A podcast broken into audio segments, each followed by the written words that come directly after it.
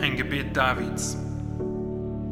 Neige dein Ohr, Jahwe, und erhöre mich, denn ich bin elend und arm. Bewahre meine Seele, denn ich bin dir zugetan. Hilf du, mein Gott, deinem Knecht, der sich auf dich verlässt.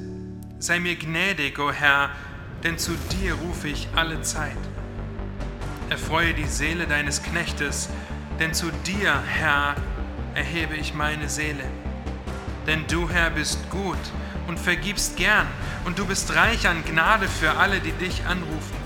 Vernimm, Jahwe, mein Gebet und achte auf die Stimme meines Flehens.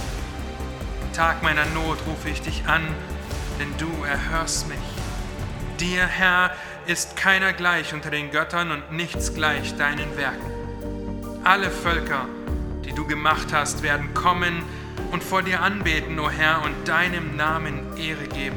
Denn du bist groß und tust Wunder, du bist Gott, du allein. Weise mir, Jahwe, deinen Weg, damit ich wandle in deiner Wahrheit. Richte mein Herz auf das eine, dass ich deinen Namen fürchte. Ich will dich preisen, Herr, mein Gott, von ganzem Herzen und deinem Namen Ehre erweisen auf ewig. Denn deine Gnade ist groß über mir und du hast meine Seele errettet aus der Tiefe des Totenreichs. O Gott, es sind Vermessene gegen mich aufgestanden und eine Rotte von Gewalttätigen trachtet mir nach dem Leben. Sie haben dich nicht vor Augen. Du aber, Herr, bist ein barmherziger und gnädiger Gott, langsam zum Zorn und von großer Gnade und Treue. Wende dich zu mir und sei mir gnädig. Verleihe deinem Knecht deine Stärke und hilf dem Sohn deiner Magd.